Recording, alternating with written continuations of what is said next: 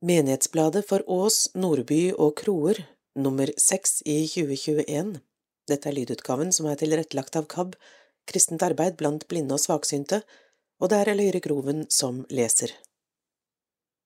Prestens hjørne Å flette en julekurv av Kjerstin Jensen, prost. Når vi går inn i desember, går vi inn i forventningen om en lun tid med tente lykter, godt samhold og fine tradisjoner. Mange av oss har klare tanker om hva som skal til for at det blir jul på ordentlig, og slett ikke alltid lar de seg innfri. Når vi lager en god gammeldags julekurv av glanspapir, da fletter vi sammen to deler. De to papirremsene har ulik farge, men til sammen blir det et fint rutemønster og en hel kurv du kan henge på juletreet. Akkurat som julekurven viser det, er desember sammensatt av flere farger og stemninger. Det er varme og trivsel, og så er det kulde og uro. Når julen nærmer seg, skal jeg flette sammen mine farger. En del er av rødt glanspapir, den rommer familietid, pinnekjøtt, julemusikk, kirkeklokker og gaver. Den andre delen er av grått avispapir. Den rommer travelhet, konflikter, flyktninger ved EUs grenser, bekymringer for pandemien og kjøpepress. Hver eneste desember får vi et innslag av det idylliske og av det mer krevende. Men vi kan lett få inntrykk av at julekurven bare skulle ha én farge, nemlig den glade, knallrøde. Hvem sa at dagene våre skulle være gratis, spør Kolbein Falkeid i et dikt. Hvem sa at snarveiene støtt var kjørebare, at fjellovergangene aldri snødde til? Stakkars desember som skal møte disse høye forventningene våre. Stakkars julen som skal innfri alt. Hvem sa at det bare skulle være idyll og glede? Det kommer i hvert fall ikke fra julefeiringens opprinnelse, fra stallen og fattigdommen i Betlehem. Ja, selv julekrybbmotivet har vi laget idyllisk, det ser så rolig og fredelig ut på bildene, varmt og lykkelig.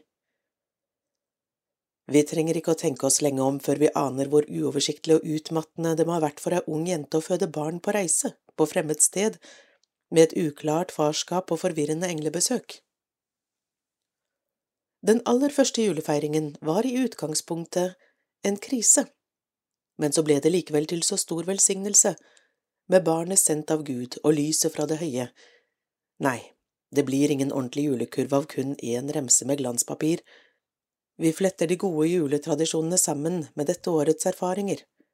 Vi fletter Guds kjærlighet sammen med hverdagen og realitetene, og hvis juleselskapet blir kranglete og bankkontoen er tom, så er det ikke enkelt, og det skal ikke idylliseres, men det blir likevel en julekurv, i flere farger, lyst og mørkt, med glitter og grått, Midt i de uinnfridde forventningene kommer Jesus med fred og lys til oss alle. Kjærlighet i mørketiden av Atle Sommerfelt, biskop Nå kryper mørket inn på oss fra alle kroker og kriker.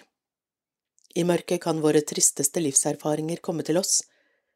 Det kan være sorgen over en som er død, lengsel etter dem vi gjerne skulle vært sammen med, men som av ulike grunner ikke er til stede i hverdagen. Gamle sår kan bli som nye, utrygghet for hva fremtiden vil bringe kan gi søvnløse netter, sporene av kjærlighet er ikke alltid lette å få øye på. Men vi er alle resultat av kjærlighet. Guds kjærlighet skapte alt som er til, og hele menneskeheten. Guds kjærlighet ga oss alle samme verdighet og verdi. Kjærligheten mellom mann og kvinne ga hver enkelt av oss livet. Når kjærligheten forsvinner i livene våre og i samfunnet, ødelegges vi. Brutalitet, undertrykkelse og krig vinner frem. De mange lysene på kirkegårder og gravsteder denne julehøytiden er en stille håpsprotest mot mørket rundt oss. Lysene viser at håpet om kjærlighetens seier over sorg og død lever. De lyser opp minner og gir oss som tenner dem et streif av kjærlighetens varme. Det er veldig meningsfullt å tenne kjærlighetens lys nettopp i julehøytiden.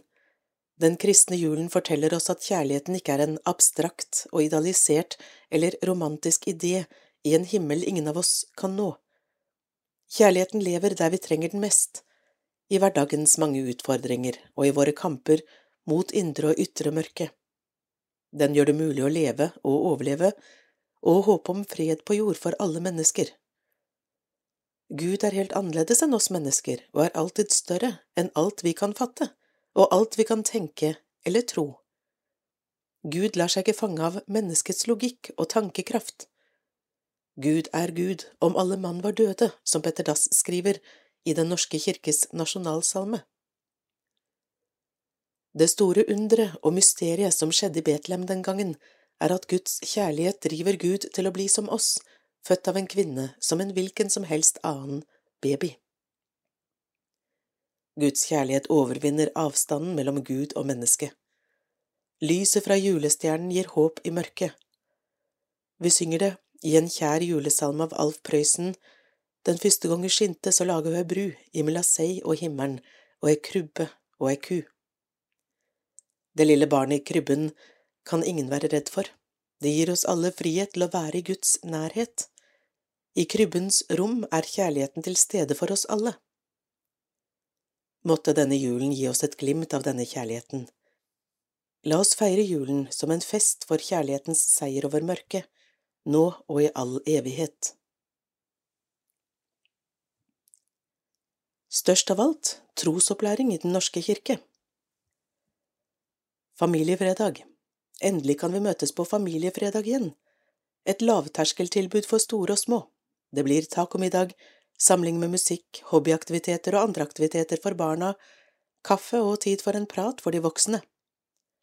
Vi starter med middag klokken 17 og har en felles avslutning 19.30. Påmelding til Jenny på telefon 920 99 102 innen onsdagen før. Middag koster 70 kroner for voksen og 40 kroner for barn.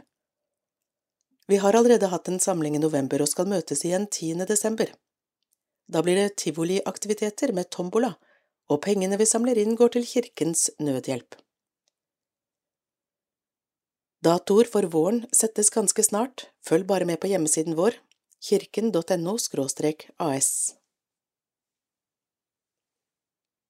1, 2, 3 Hellig Tre Kongers fest I 2022 forsøker vi noe nytt, vi kombinerer juletrefest og 123-gudstjeneste i Ås arbeidskirke søndag 9. januar klokken 13.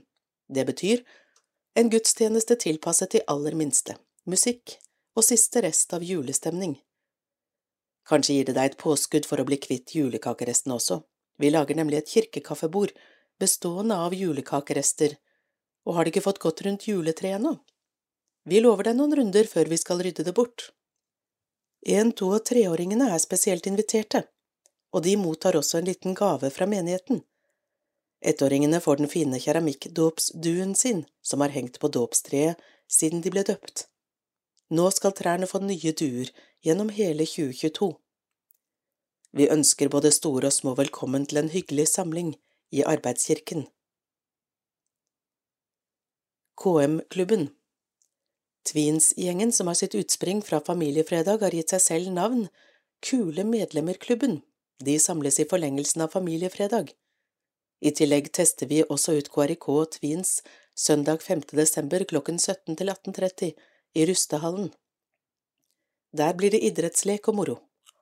Har du barn mellom femte og åttende trinn, da er de hjertelig velkomne. Babysang i Ås arbeidskirke Gjennom hele høsten har det vært babysang i Ås arbeidskirke hver torsdag mellom klokken 11 og klokken 13. Mange mødre har møtt opp, sunget, danset og ikke minst kost seg med vafler og kaffe i godt fellesskap.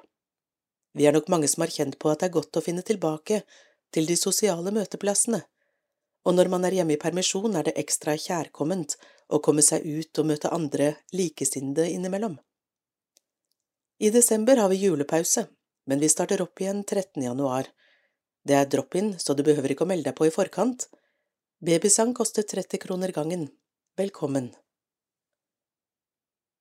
Konfirmanter Konfirmantene i Kroer og Ås er allerede godt i gang. De har deltatt på kickoff, oppstartssamtaler, bibelworkshop og på KRIK og D41, ungdomsarbeidet. På dette kullet er det 53 konfirmanter, sju fra Kroer og 46 fra Ås. Nå står presentasjonsgudstjenester for døren. Kroer-konfirmantene presenteres under lysmessen i Kroer kirke 28. november og Ås-konfirmantene presenteres under gudstjenesten i Ås kirke 16. januar.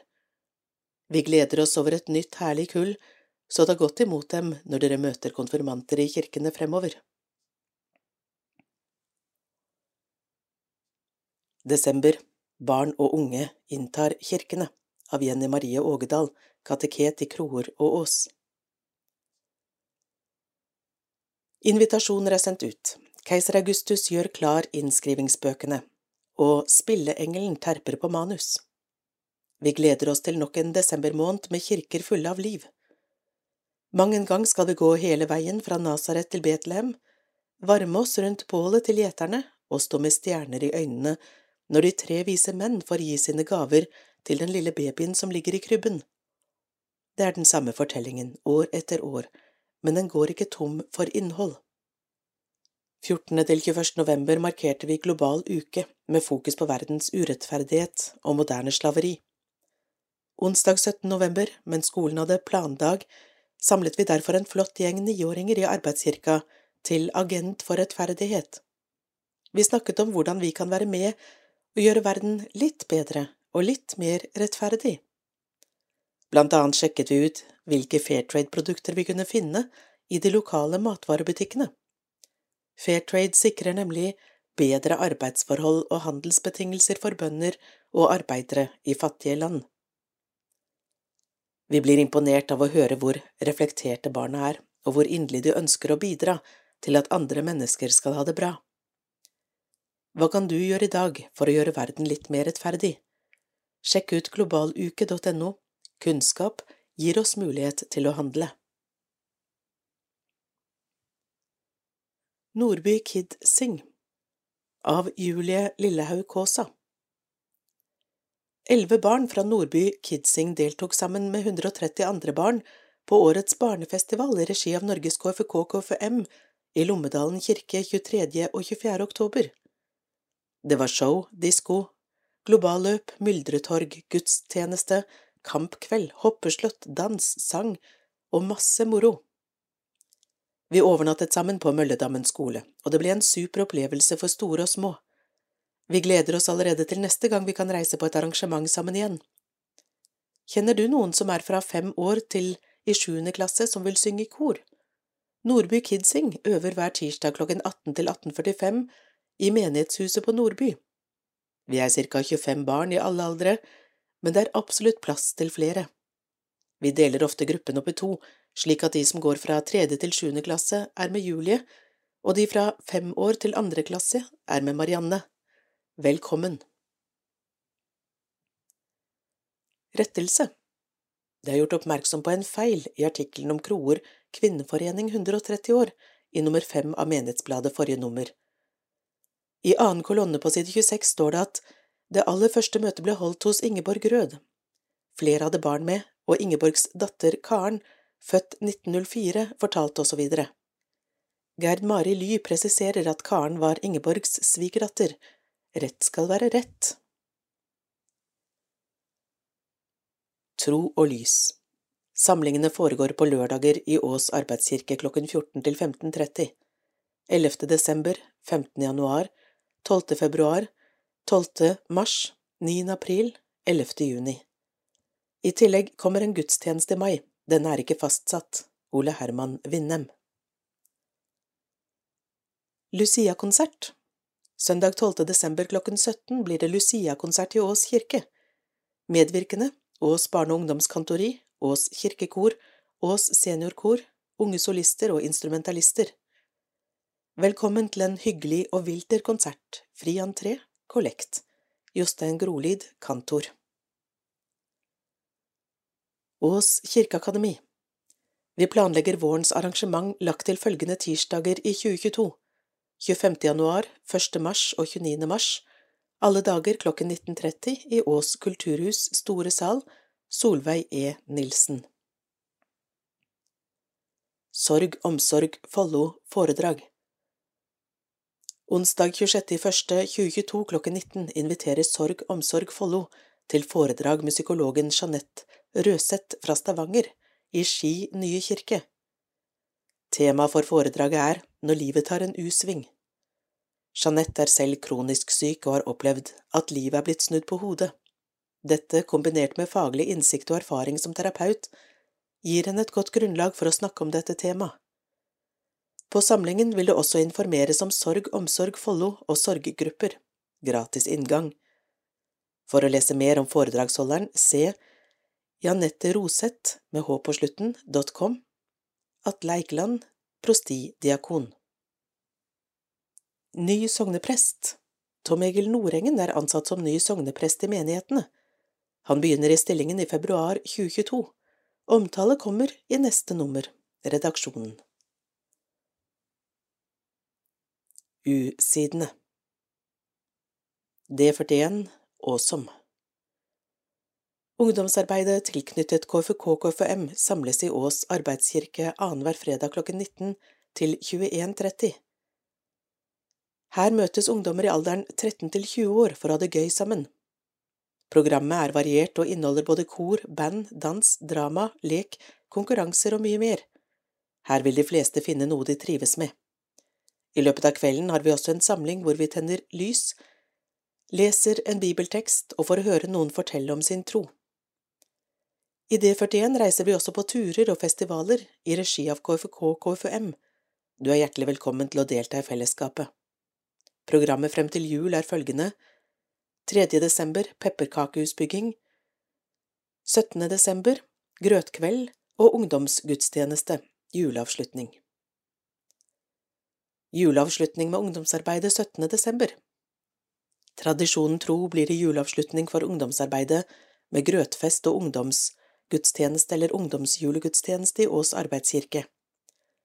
I tillegg leker vi en helt spesiell lek, en lek som kun blir lekt én gang i året, på juleavslutningen. Leken heter Paven og pavinnen, og hvis du kommer, får du være med. Velkommen til alle ungdommer fredag 17. desember klokken 19 i Ås arbeidskirke. Har du spørsmål angående ungdomsarbeidet i Ås og Kroer menigheter, ta kontakt med kapellan, barne- og ungdomsprest Ingrid Ulvestad Øygard io484 at kirken.no. Ingrid Ulvestad Øygard, kapellan. KRIK eller KRIK, Kristen idrettskontakt. KRIK Ås er en forening for idrettsglad ungdom i alderen 13 til 19 år som ønsker å ha et kristent treffsted. Aktiviteten er uhøytidelig idrettslek og ballaktiviteter. Vi drar også på turer og deltar på enkelte cuper. Krik har treninger i flerbrukshallen på Rustad skole. Kunne du tenke deg å få litt mosjon annenhver søndag i et godt fellesskap? Velkommen på Krik. Programmet frem til jul er følgende 5. desember trening på Rustad, 12. desember Rush trampolinepark i Oslo. Ungdommer fra Ås på Krigs 40-årsjubileum Siste helgen i oktober deltok en gjeng KRIK-konfirmanter på Krigs 40-årsjubileum i Oslo. Dette var en helg proppfull av aktiviteter og arrangement nærmest døgnet rundt på ulike steder rundt om i hele byen. Krikerne fra Ås deltok blant annet på rappellering i Holmenkollen, 65 meter rett ned, spikeball, volleyball, paintball og lasertag, i tillegg til åpningskonsert med gospelkoret HIM og storslagen festmiddag sammen med mange hundre krikere fra hele landet. For mange av konfirmantene var dette første møte med krikfellesskapet. Dette var en superanledning til å bli bedre kjent, både med hverandre og med andre krikere, og det var fint å se at lokallaget vårt er en del av noe større. Vi håper helgen har gitt ungdommene mange gode opplevelser og litt mer innblikk i hva krig er. Takk for en innholdsrik, aktiv og gøy helg fylt med idrettsglede, trosglede og livsglede.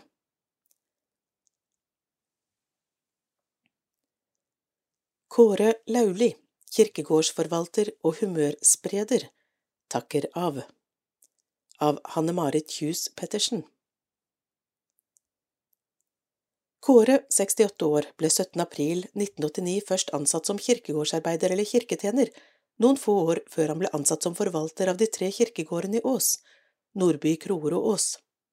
Han går over i pensjonistenes rekker 1. desember og det vil si at han har vært i samme jobb i drøyt 32 år. Kåre har gjort en stor og viktig innsats, og mange vil savne å se ham i aktivitet eller ta en prat og kanskje få en god latter med på kjøpet.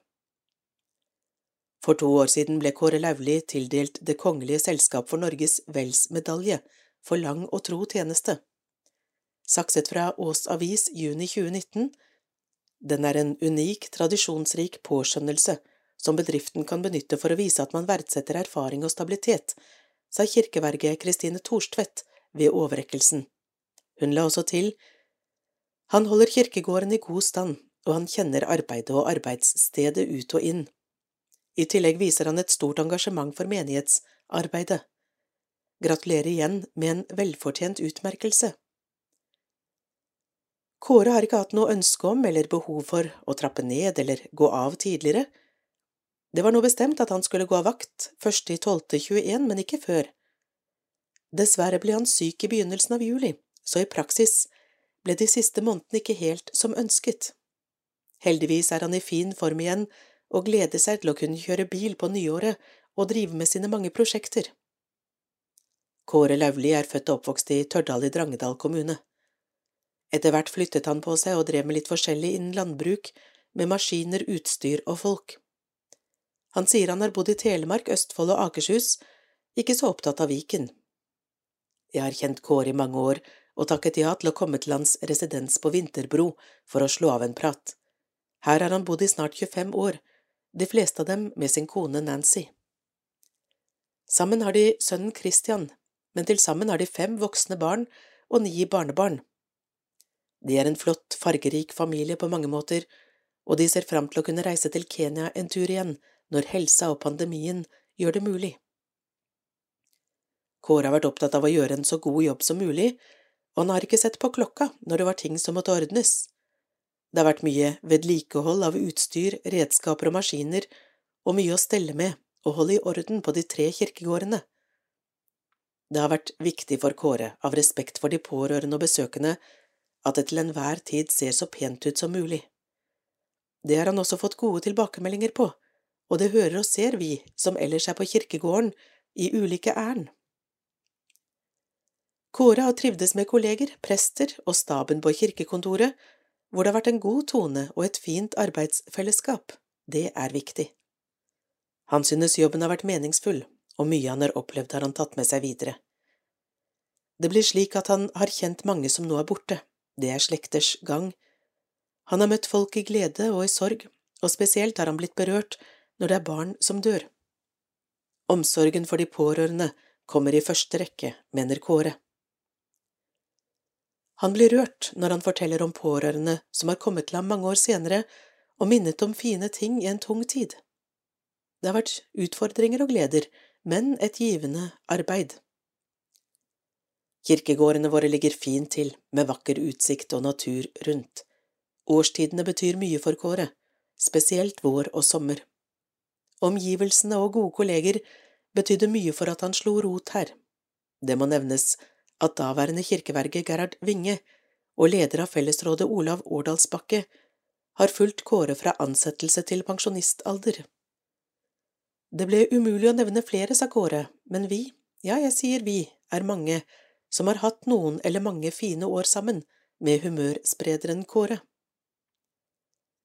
Kirkegårdsforvalteren har også jobbet som frivillig i Nordby menighet, både i menighetsråd og som kirketjener. Det vil han gjerne fortsette med. Han føler tilhørighet til kirken, til det kristne fellesskapet, som også hans kone er en del av. Kåre mener at Jesus er viktig i hverdagen, og er ikke glad for sekularisering eller at alt skal være så livssynsnøytralt. Kåre er ikke sluppet helt unna plager, han var alvorlig kreftsyk i 2012, og det var tøffe tak, men han har humor og humør, og liker å tøyse litt, for eksempel på Facebook. Han fikk slag i sommer, og hans kommentar til det er at han jo har vært mye i klokketårnet og slått tre ganger tre slag, og til jul baker vi sju slag. Han har bare hatt ett slag, så han har noen til gode. Det går slag i slag, sier Kåre med et lurt smil og glimt i øyet. Kåre er en allsidig mann med mange interesser og hobbyer. Naturen, hagen med frø og blomster, planter, trær og busker. Ja, han er veldig glad i gråstein også, det er så mye vakkert i Guds natur. Kåre er glad i snekring, å bygge og skape noe, alt etter hva årstidene tillater. Han liker å ha mange prosjekter på gang og er bevisst på at det nå blir viktig å ha nok å gjøre som pensjonist. Kåre er en mester i å tegne karikaturer. Han håper å få litt mer tid til det igjen. Kåre er ikke redd for å skille seg ut, og han stiller gjerne med morsomme slips fra sin store samling. Samtidig liker han å kle seg pent, det er viktig, presiserer han, i respekt for andre.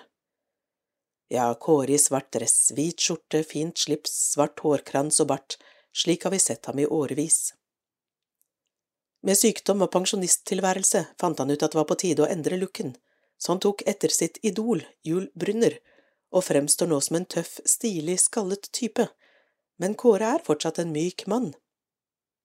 Jeg takker for kaffen og for en hyggelig time som fort ble til to. Kåre og jeg tok en tur ut på terrassen i ettermiddagssola og skuet utover hans grønne rike, med et glimt av Pollevannet nedenfor. Takk for alt du har vært og gjort for så mange, Kåre, du fortjener all ros du får.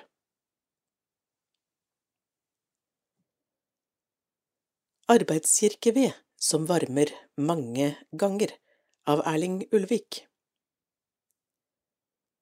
Dugnadsgjengen i Arbeidskirken har gjennom dette koronaåret produsert og solgt bjørkeved til glede og nytte for mange. Det hele starta med at Erling Ulvik fikk tips om at Svein Skuterud kunne spørres om han hadde busker og trær i skogen sin som han ville kvitte seg med. Svaret var ja, gjerne.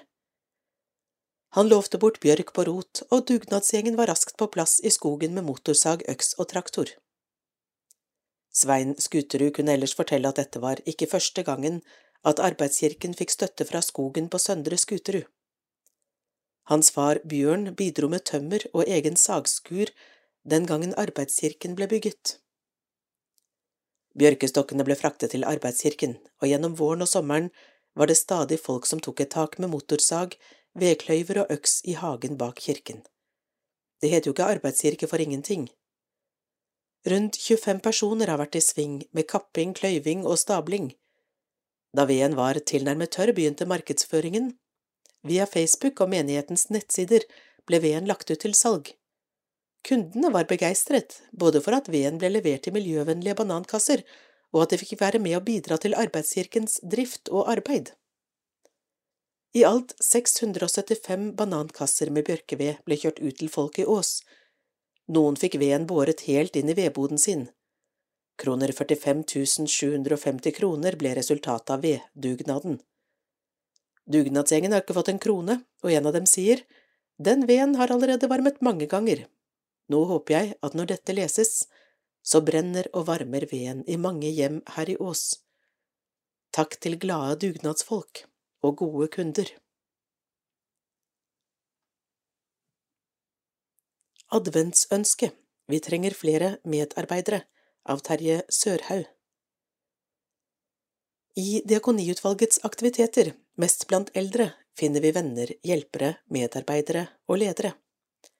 Men vi trenger flere hender, flere føtter, flere omsorgstanker når vi følger til andakter på sykehjemmet eller steller til åpent hus og hyggekvelder.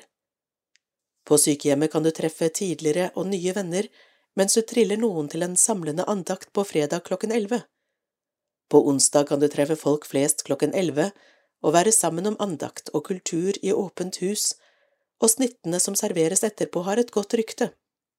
Kjøkkengjenger lager dem i hyggelige lag. For deltaking på sykehjemmet og i omsorgshusene kontakt Gro Mette Rønningen, telefon 971 76 023, eller Terje Sørhaug, telefon 419 32 624. For åpent hus kontakt Ingrid Veide, Krag Rønne, telefon 478 56 929. Rapport fra siste konfirmasjonsgudstjeneste Pandemien fikk satt noen kjepper i hjulene for disse seks konfirmantene som skulle blitt konfirmert i september. Men lørdag 6. november var det endelig deres tur til å bli bekreftet og feiret. Det ble en flott gudstjeneste og et verdig punktum for dette kullet med konfirmanter. Takk for et flott konfirmantår, alle i 06-kullet. Vi er glade i dere og heier på dere. Kapellan Ingrid Ulvestad Øygard og kateket Jenny Marie Ågedal. Hva skjer på menighetshuset? Gerd Asklund er utleiekoordinator og kasserer i stiftelsen Ås menighetshus. Hun har laget en kort beskrivelse av aktivitetene. På dagtid åpent hus, fast hver onsdag klokken 11 til 13. Ellers leies huset ut til konfirmasjonsselskap, dåpsfester, minnesamlinger, kirkekaffe. På kveldstid Ås kristelige studentlag fast på torsdager, Bibelkveld Follo fire torsdager, Aglow Follow fire tirsdager, Familiekirken.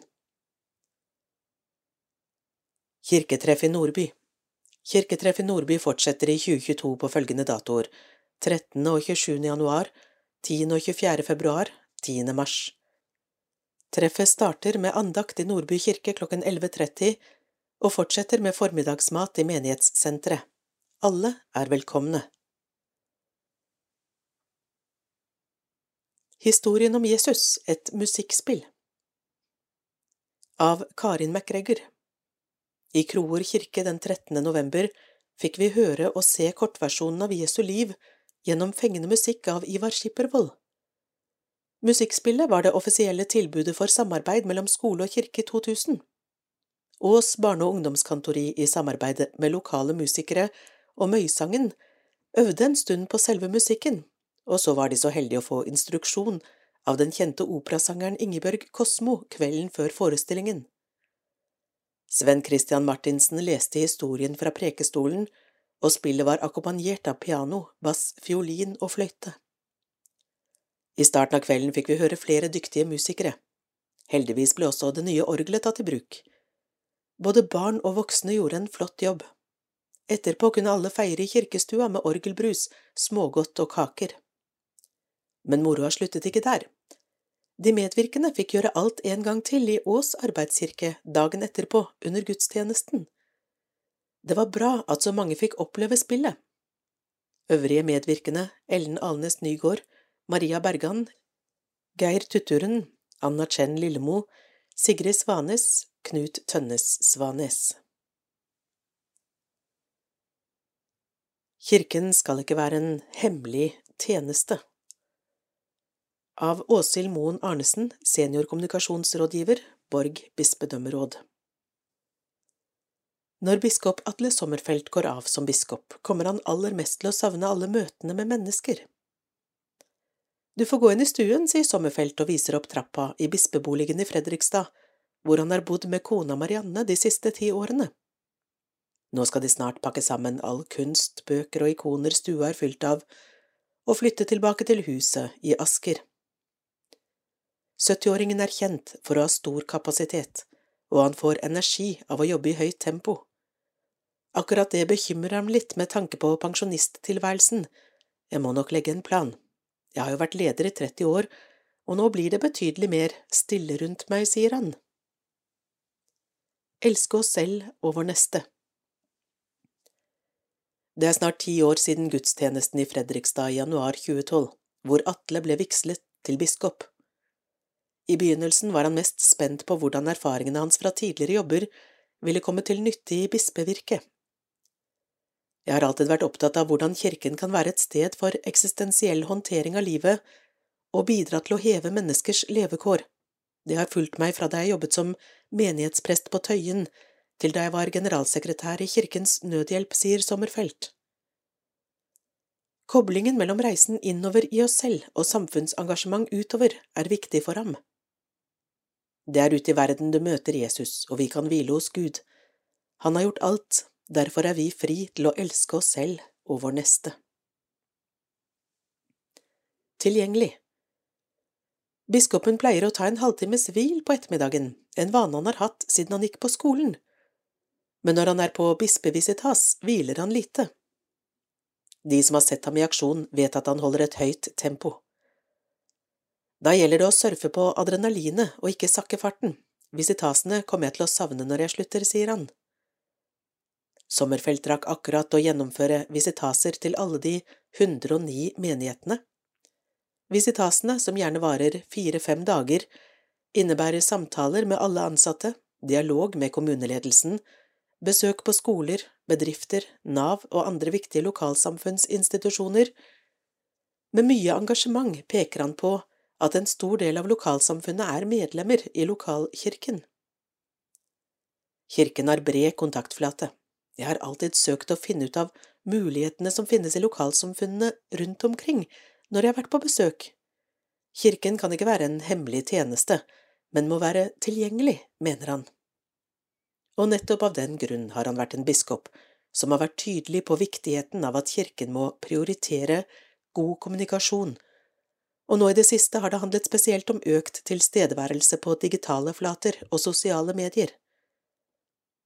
Nylig kom en veiledning for en forkortet liturgi for digitale gudstjenester, slik at digitale gudstjenester kan være en forordnet gudstjeneste. Det handler i bunn og grunn om at der folk er, der må kirken være. Kirken har i stor grad vært en kom til oss-kirke, men vi er jo sendt til verden og må også søke å være der folk er. Da han og kona Marianne var unge, var de på ferie i Florida. Marianne ville svært gjerne at de skulle kjøre ut til kysten. Et kvarter etter at de hadde kommet fram, var Marianne fornøyd og ville dra igjen. Jeg skjønte ingenting. Først skulle vi kjøre til havet, og så skulle vi ikke være der lenger. Men så forsto jeg at det for henne, som har vokst opp ved havet, handlet vel så mye om å få et glimt av det, sånn at hun fortsatt visste at det var der. Sånn tenker jeg det er med kirken også. Kirken skal være et sted man vet at er der, og når man trenger et glimt eller mer, så kan man komme, og det er noen til stede. Elsket å studere Hva er du mest stolt av som biskop? Han må tenke seg om. Er det nå jeg skal svare jeg er ikke stolt av noen ting, humrer han. Men det er klart jeg er stolt av mye. Jeg er stolt av hvordan visitasene foregår, nemlig at vi er så aktivt i dialog med lokalsamfunnene kirken er en del av, og kanskje hjelper til å knytte noen forbindelser som ikke var der i utgangspunktet. Egentlig er det å ta på alvor Jesus' spørsmål om hva vil du jeg skal gjøre for deg, og stille lokalsamfunnet det samme, hva kan kirken gjøre her? Han er også stolt av Dialogforum Østfold, som er en forening eid og driftet av muslimske kultur- og trossamfunn og kristne trossamfunn og organisasjoner, som jobber for dialog og mot radikalisering. Han nevner også Håpets katedral, Hovlandfestivalen, Borg pilegrimssenter og den store satsingen på kommunikasjon i Borg bispedømme, Kommunikasjonsløftet. Jeg mener også jeg har bidratt til å skape bedre samarbeidsklima mellom de to arbeidsgiverlinjene i kirken ved at prostene skal sitte i fellesrådene. Hva fikk du ikke fullført som biskop i Borg? Jeg skulle gjerne kommet lenger i å utvikle organisasjonskulturen, der mener jeg det er mye igjen, både med tanke på at ansatte både må oppleve selvstendighet, men også akseptere og være lojal mot at organisasjonen definerer en felles retning og strategiske mål. Noen oppfatter det kanskje som begrensende, men det er innenfor rammer vi kan bruke kreativiteten og nyskapingen mye friere. Vi kan gjerne ta en diskusjon, men når man har diskutert ferdig, så bør man akseptere at sånn gjør vi det. Det gamle slagordet Verden er for sterk for en delt kirke gjelder i aller høyeste grad også for kirken i Borg. Jeg skulle også veldig gjerne ha vært med videre i arbeidet for hvordan vi som kirke kommuniserer med alle våre medlemmer. Vi har kommet et godt stykke på vei, men ikke fullført. Dialog med andre religioner Han mener at det viktigste for kirken i Borg bispedømme videre er at kirken videreutvikler seg som folkekirke.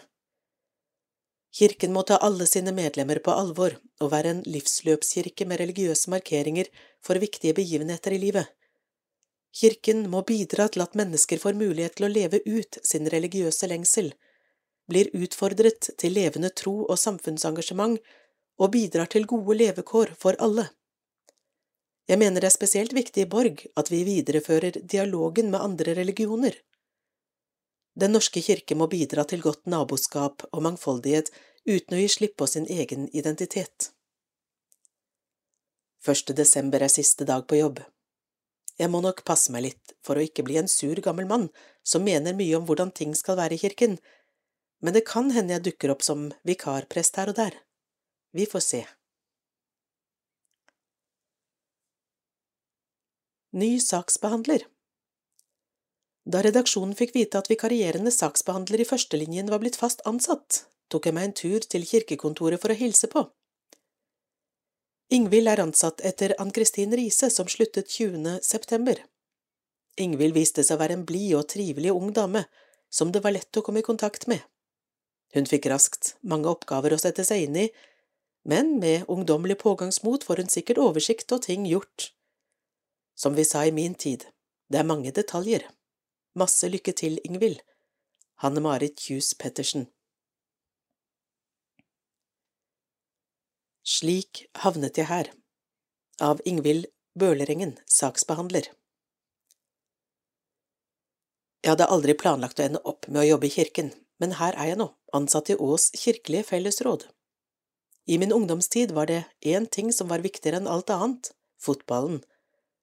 Jeg spilte fotball fem til seks ganger i uken. Bursdag, helgeturer med venner og andre aktiviteter var nedprioritert. Hadde du fortalt den jenta at du skulle bytte livet som fotballspiller for en jobb som saksbehandler på kirkekontoret, er det ikke sikkert hun hadde trodd deg. Nå, mange år senere, er det nettopp det som har skjedd. Jeg bor i Drøbak sentrum, i blokkleilighet, sammen med katten min, Eddie. Fotballskoene får bare luftet seg et par ganger i uken, og hverdagen brukes på kontorarbeid.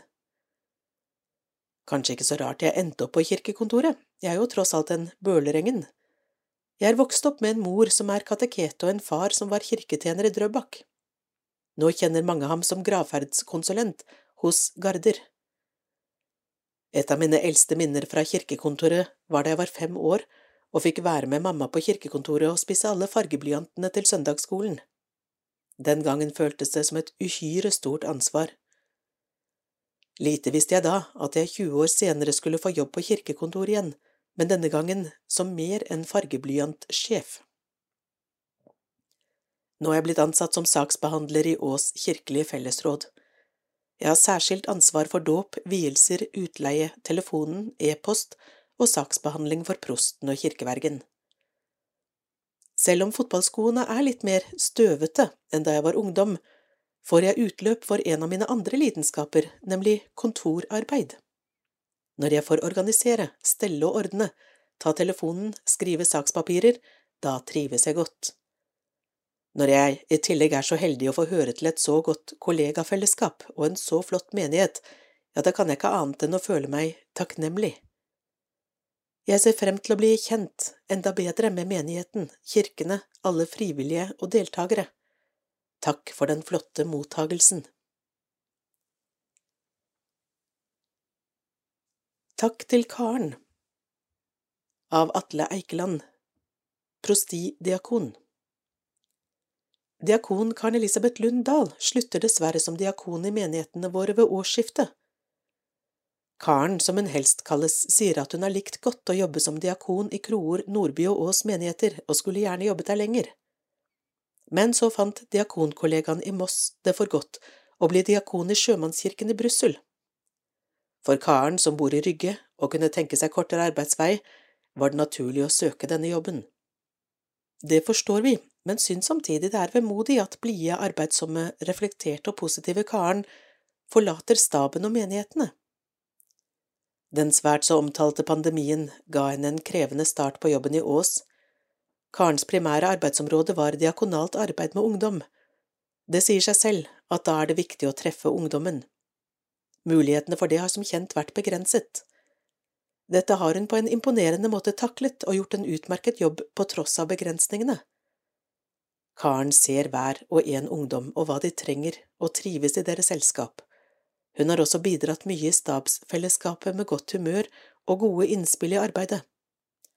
Hun vil bli savnet i menighetene våre, men vi ønsker henne lykke til i Moss menighet, og gratulerer Moss.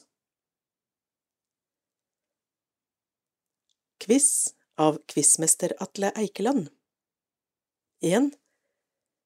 I hvilket land ble sangen Stille natt, som på norsk først ble oversatt til Glade jul, skrevet? 2. Mange pynter med kristtorn til jul. Hvilken by i Norge kaller seg Kristtornbyen? 3. Jesus ble født i Betlehem. Hvilket annet navn ble brukt om Betlehem i Det gamle testamentet? 4. I hvilket land ble adventskalendere først brukt? 5. Hva er den liturgiske fargen i adventstiden? 6. Hvor langt tilbake vet man med sikkerhet at det er spist lutefisk i Norge? Sju. Hvilken skole i Ås kommune har adresse Mjølnerveien 4? 8. Hvilke kornsorter ble mest sannsynlig først dyrket i Norge? 9. På hvilken øy i Middelhavet bodde Santa Lucia? 10. I hvilket fylke i Norge finnes faktisk en bygd som heter Julebygda? Svar-quiz 1. Østerrike 2. Stord, Leirvik 3. Efrata 4. Tyskland 5. Lilla fiolett 6. 1500-tallet 7. Solberg skole 8. Bygg og hvete, enkorn og emmer 9. Sicilia 10. Rogaland Salt og lys på allehelgensdag av Jon K.R. Øyestad Det var gudstjenester i alle de tre kirkene i Ås første søndag i november, på allehelgensdag. Mange hadde funnet veien til kirkene på denne spesielle dagen i kirkeåret. I Ås kirke var gudstjenesten ved fungerende sogneprest Sigurd A. Bakke. Siden dette er en viktig minnedag for mange, synes redaksjonen i Menighetsbladet det er på sin plass å la alle få tilgang til prekenen som ble holdt. Etter prekenen ble alle navnene, 55, på dem som hadde gått bort med tilknytning til Ås kirke, lest opp.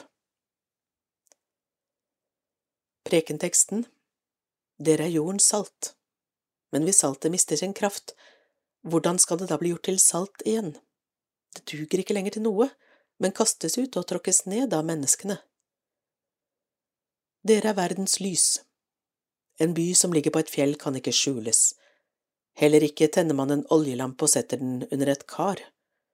Nei, man setter den på en holder så den lyser for alle i huset.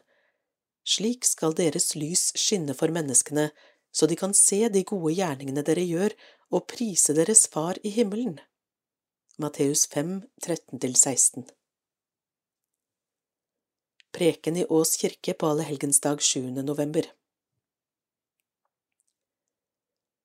Her i Ås kirke ved lesepulten sto jeg i juni 1984. Min mor lå i kisten som sto her. Lite visste jeg da at 37 år senere skulle jeg holde allehelgensmesse på samme sted. Her skal jeg stå igjen, tror jeg, om få år kanskje, og min far ligger i kisten som vil stå der nede. Og selv skal jeg, hvem vet når, ligge her i Ås kirke en gang, i en kiste. Vi er kommet til verden for å dø fra denne verden. Vi er født for å leve, men også for å dø. Det går fort å leve, og det er også fort gjort å dø. Jeg mener, livet går veldig fort. Hva er det vi driver på med? Vi tror på the big bang, for veldig lenge siden, vi tror på Darwin, på DNA, og at jorden er uendelig gammel i forhold til et kort menneskeliv. Men hvor kommer vi fra, og hvor går vi? Finnes det en retning på det hele, en mening, en hensikt?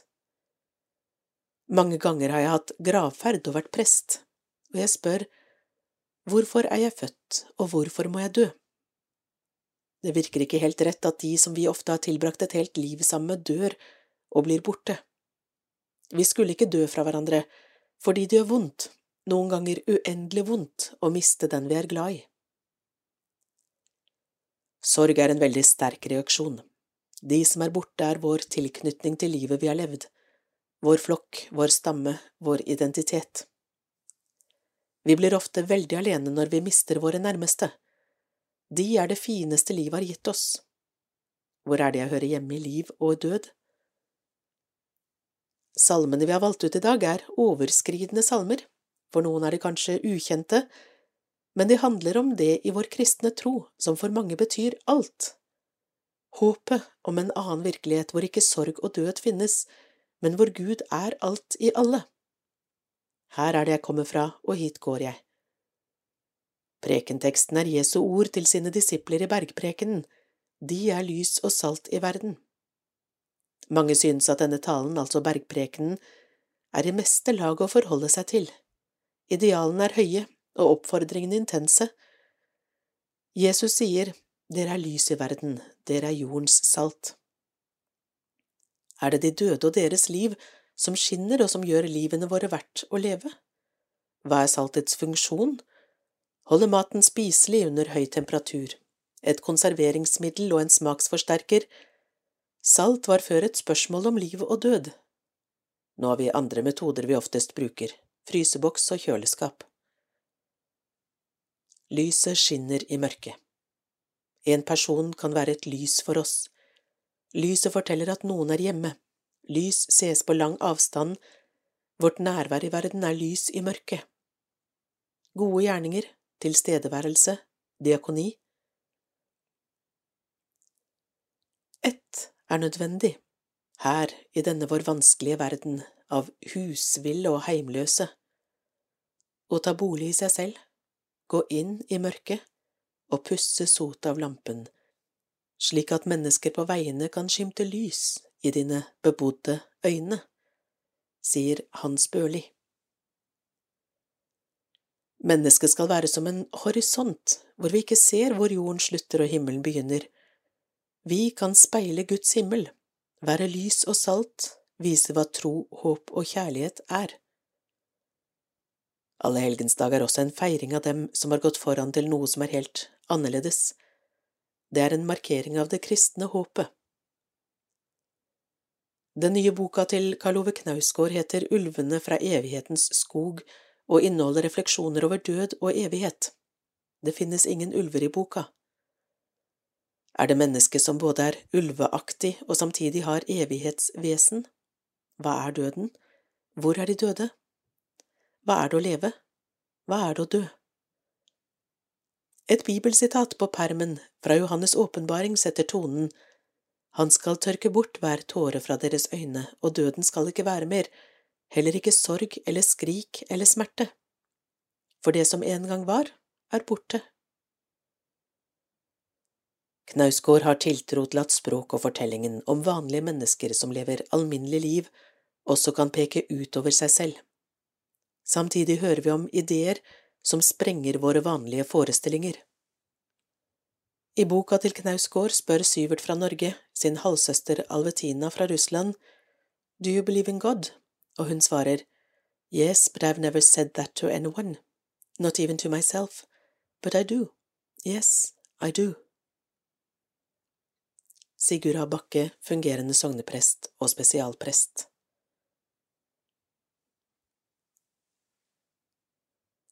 Er du kjent i Ås? Finaleomgang av Jon K.R. Øystad. Nå har denne serien pågått i mange år, og det finnes ikke flere ukjente steder i Ås. Det er kanskje ikke helt sant, men et sted i Det gamle testamentet, GT, handler om at alt tar sin tid. Slik er det med Er du kjent i Ås også.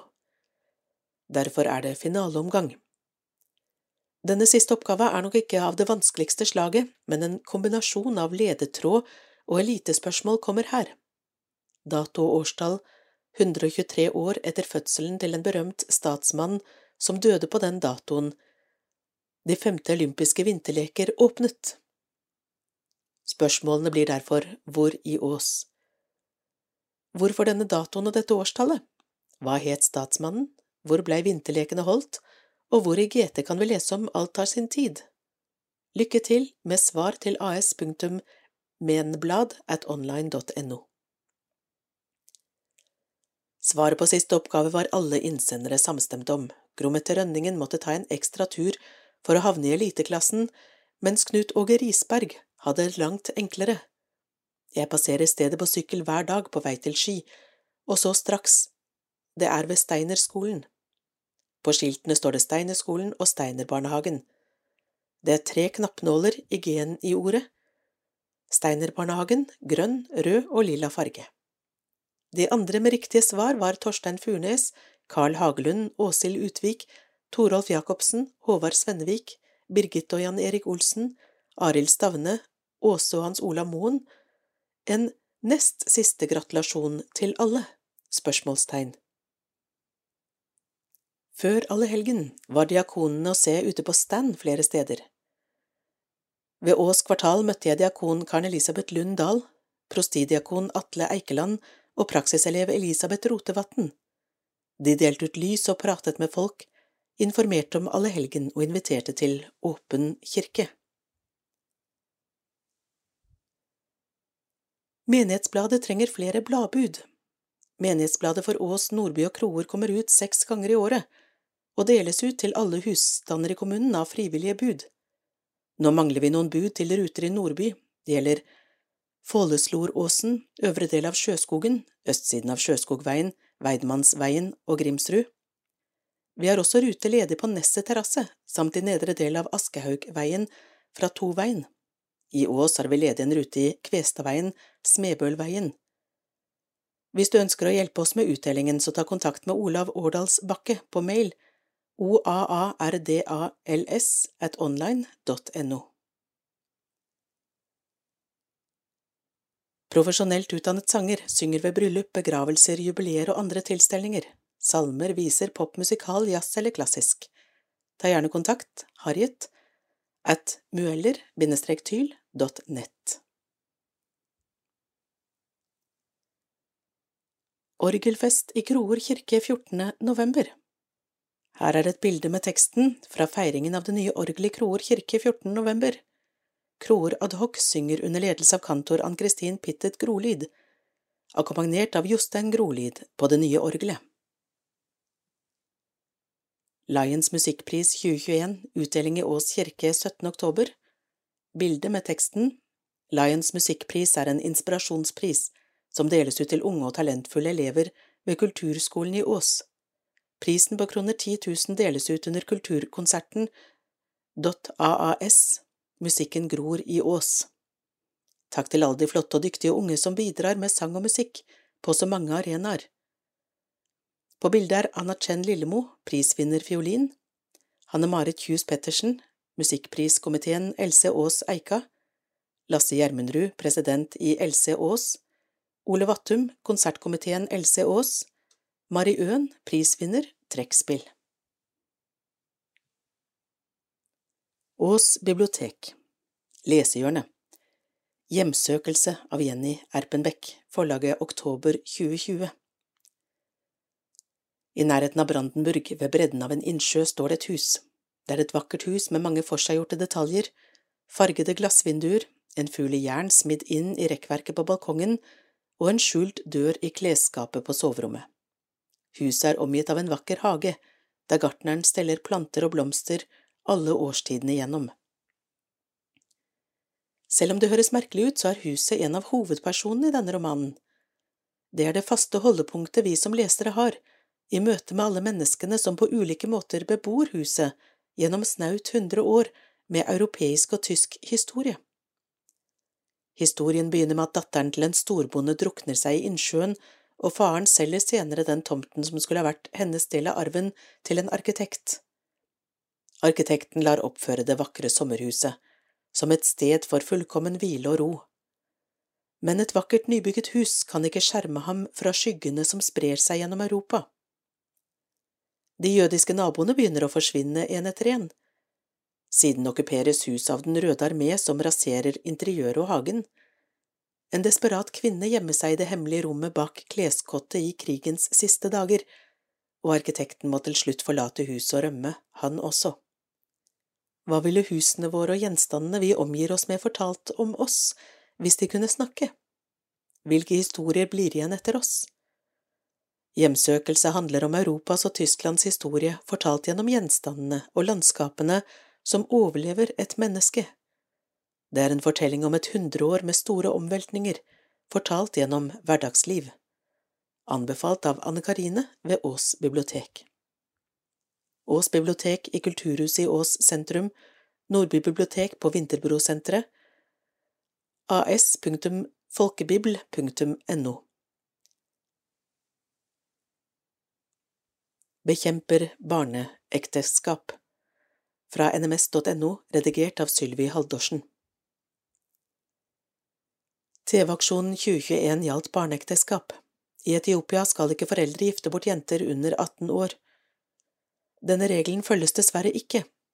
Etiopiske Beba er 14 år og syns det er fantastisk å gå på skole, men etter tradisjonen på hennes hjemsted gifter familien henne bort til første og beste frier, Sånn er det for Beba. Nå skal det skje.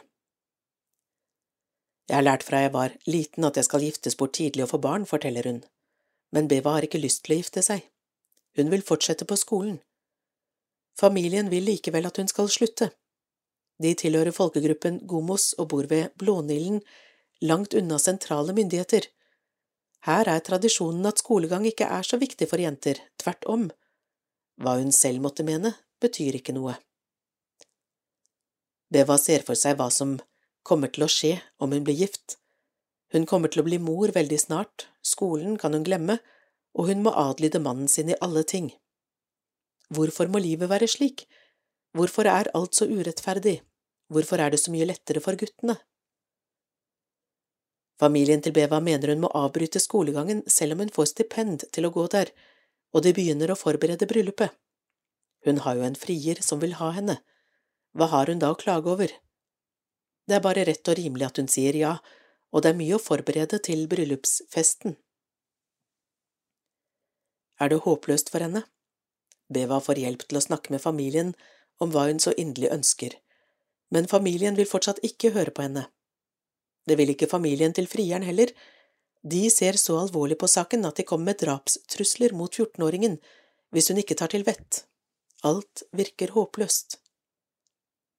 Men Beva gir ikke opp før hun har prøvd alle utveier. Hun skaffer seg hjelp til å politianmelde saken. Noe slikt har visst ingen andre jenter i landsbyen gjort før, og det får faktisk familien hennes til å gi opp kravet om at hun skal gifte seg så ung.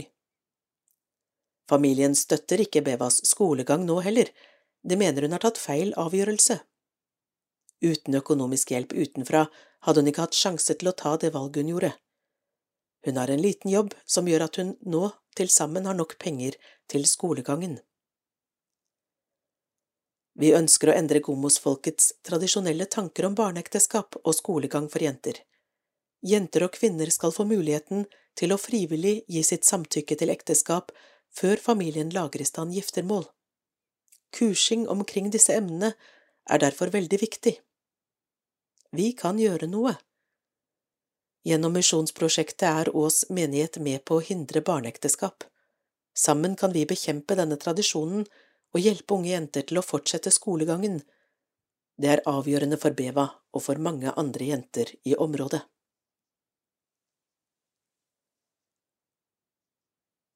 Desembernatt i Ås kirke Ås-ensemblet gleder seg til å synge julen inn i Ås kirke igjen.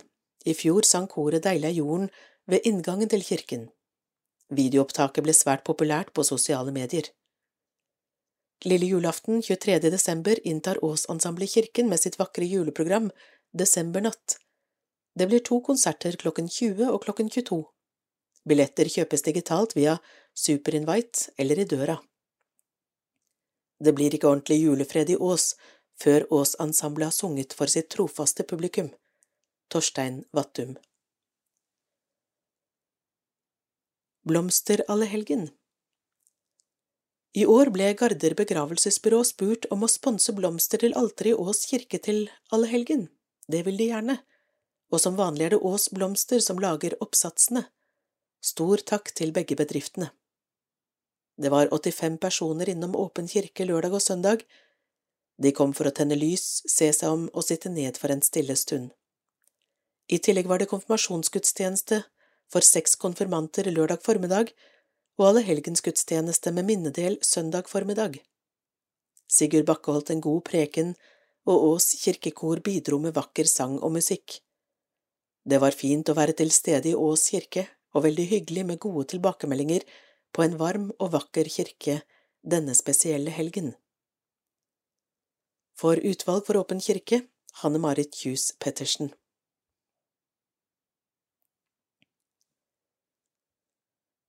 Utleie.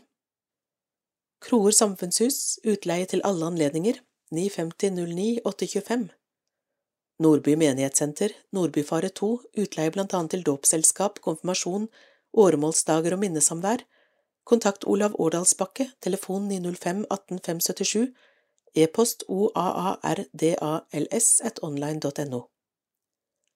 Ås arbeidskirke, Drottveien 41, Utleie til private selskaper ved dåp, konfirmasjon, jubileum, minnesamvær med mere. Fast og tilfeldig utleie til lag og foreninger, hobbyaktiviteter, konserter, møter, kurs og seminarer.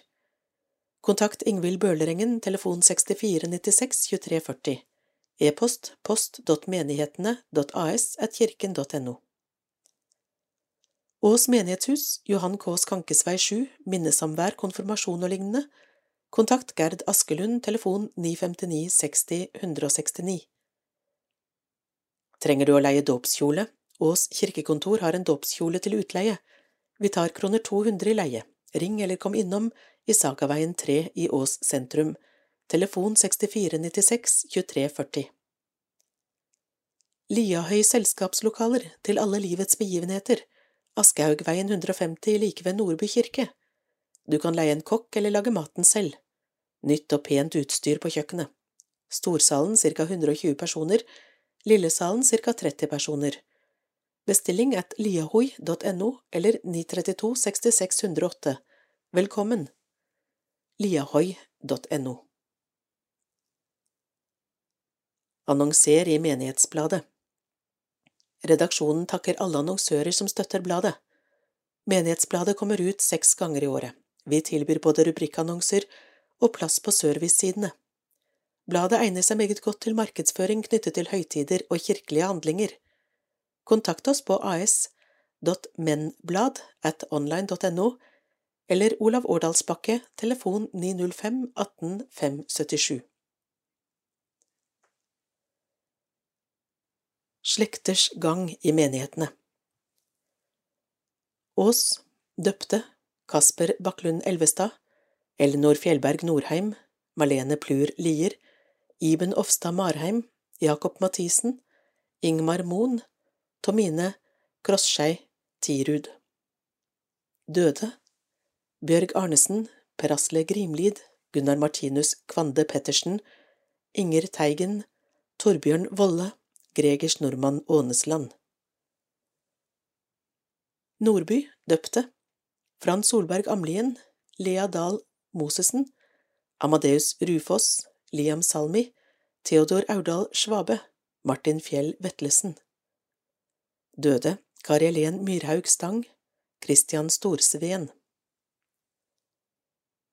Kroer, døpte, Emil Berg. Velkommen til kirke. 5. desember, andre søndag i adventstiden, Johannes 16, 21–24, Angst og glede. Ås arbeidskirke 11, gudstjeneste. Nordbykirke 11, gudstjeneste. Ås kirke 18, lysmesse med speiderne. 12. desember, tredje søndag i adventstiden, Johannes 5, 31–36, Gjerningene vitner om meg. Nordby kirke klokken 11, gudstjeneste. Kroerkirke 11, gudstjeneste, Ås kirke 11, gudstjeneste. 19. desember, fjerde søndag i adventstiden, Matteus 1, 18–25, Budskapet til Josef, Ås arbeidskirke 11, gudstjeneste, sang ved Ås korforening, Nordby kirke 11, gudstjeneste. Fredag 24. desember, julaften, Lukas 2, 1–20, Jesus blir født. Ås arbeidskirke 13 og 1430. Ås kirke 13, 1430 og 16, Nordby kirke 13, 1430 og 16, Kroer kirke 1430 og 16, julaftensgudstjeneste. 25. desember juledag, Johannes 1, 1–14, Ordet ble menneske, Ås kirke 11, høytidsgudstjeneste, Nordby kirke 13, høytidsgudstjeneste. 26. desember, Stefanusdag, andre juledag, Johannes 16, 1–4a, de skal støte dere ut, Mor sykehjem 11, gudstjeneste, Mortunet 1215, gudstjeneste. Fredag 31. desember, nyttårsaften, Matteus 11, 25–30, Jeg vil gi dere hvile. Kroer kirke 16, gudstjeneste. Lørdag 1. januar, nyttårsdag, Jesu navnedag, Matteus 18, 19–20, samlet i mitt navn, Ås kirke 11, gudstjeneste. 2. januar, Kristi åpenbaringsdag, Johannes 12, 42–47, Som lys er jeg kommet til verden, Nordby kirke 11, gudstjeneste. 9. januar, andre søndag i åpenbaringstiden, Johannes 1, 29–34, Guds lam bærer verdens synd, Nordby kirke 11, gudstjeneste, Kroer kirke 11, gudstjeneste, Ås arbeidskirke 14, gudstjeneste. 16. januar, tredje søndag i åpenbaringstiden, Johannes 1, 15–18, Han har vist oss hvem Gud er, Nordby kirke 11, gudstjeneste, Ås kirke 11, gudstjeneste. 23. januar, fjerde søndag i åpenbaringstiden, Lukas 13, 10–17, Jesus helbreder en kvinne, Kroer kirke 11, gudstjeneste, Nordby kirke 11, gudstjeneste, Ås kirke 11, gudstjeneste. 30. januar, femte søndag i åpenbaringstiden, Johannes 5, 1–15, Den syke ved Betesta, Ås arbeidskirke 11, fellesgudstjeneste med innsettelse av ny sogneprest. 6. februar, sjette søndag i åpenbaringstiden, Markus 13, 21–27, Når menneskesønnen kommer, Nordbykirke 11, gudstjeneste, Kroerkirke 11, gudstjeneste, Ås kirke 11, gudstjeneste. 13. februar, såmannssøndag, Matteus 13, 24–30, Ugresset i hveten, Nordbykirke 11, karnevalsgudstjeneste, Ås arbeidskirke 11, karnevalsgudstjeneste. Digital kirke Følg med på nettsiden kirken.no as og Facebook-sidene at kroerogas.menighet og at Nordbymenighet for endringer. Menighetsbladet for Ås, Nordby og Kroer nummer 6 i 2021 slutt.